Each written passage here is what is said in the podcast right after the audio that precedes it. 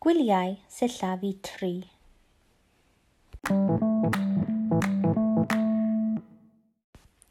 Ble arhosais ti? Where did you stay? Arhosais i. I stayed. Arhosais i. I stayed. Arhoson ni. We stayed. Arhosodd e. He stayed. Arhosodd hi. She stayed. Arhosodd Harry. Harry stayed. Mewn gwesti. In a hotel. Mewn tŷ haf. In a summer house. Mewn caravan. In a caravan. Mewn pabell in a tent. Yn ni Jack, in Jack's house. Ar fferm, on a farm. Mewn bwthyn, in a cottage. Gwesti, tair, seirin. Three star hotel. Now repeat after me. Ar hosai si ar hosau si. Ar hoson ni. Ar hoson ni. Ar hosodd e. Ar hosodd e. Ar hosodd hi. Ar hosodd hi. hosodd Harry. Ar hosodd Harry. Mewn gwesti. Mewn gwesti. Mewn tŷ haf. Mewn tŷ haf mewn carfan mewn carfan mewn pabell. Mewn pabell. Yn ni Jack. Yn ni Jack. Ar fferm.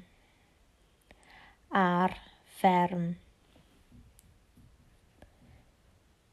Mewn bwthyn. Mewn bwthyn. gwesti tair seren. Gwesti tair seren.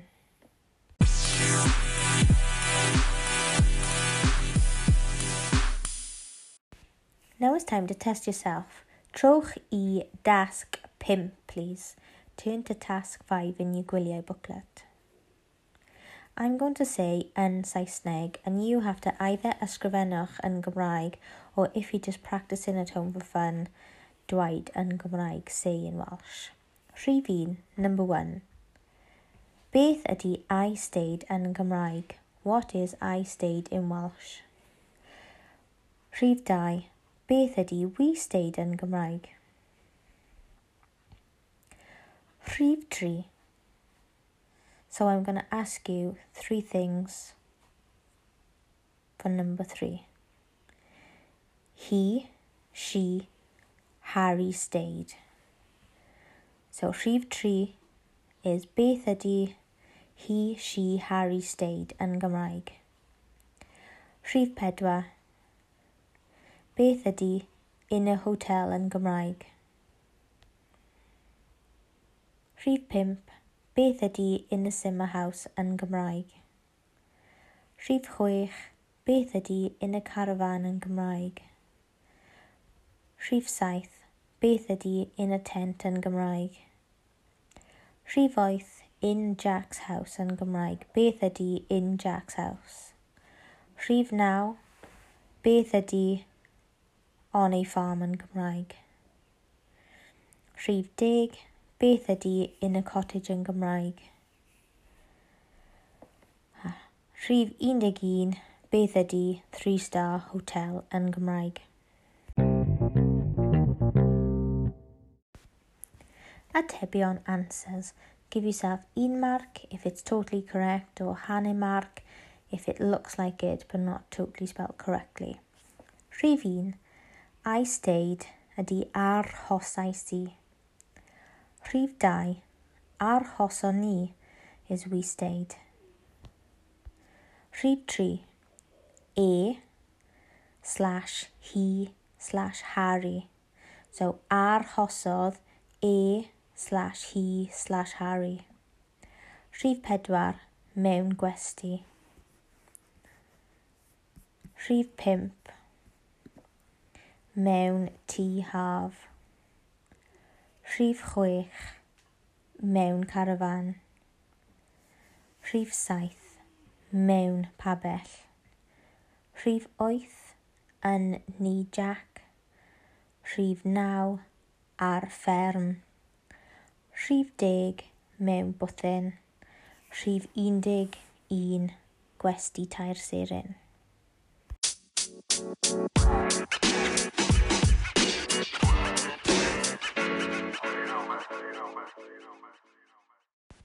Now turn your attention to task 6. Ysgrifennwch frawddegau am ble oed ti wedi aros. Write sentences about where you have stayed arhosais i mewn gwesti. I stayed in a hotel, but don't forget you can say the hotel where it was. So for example, arhosais i mewn gwesti yn Llundain, in London. Yn y wlad Groeg, in Greece, so you can add extra detail. Also, you can start off with an idiom, a bold and honest, and then you can express your opinion. Try and start each sentence differently. Diolch, pob.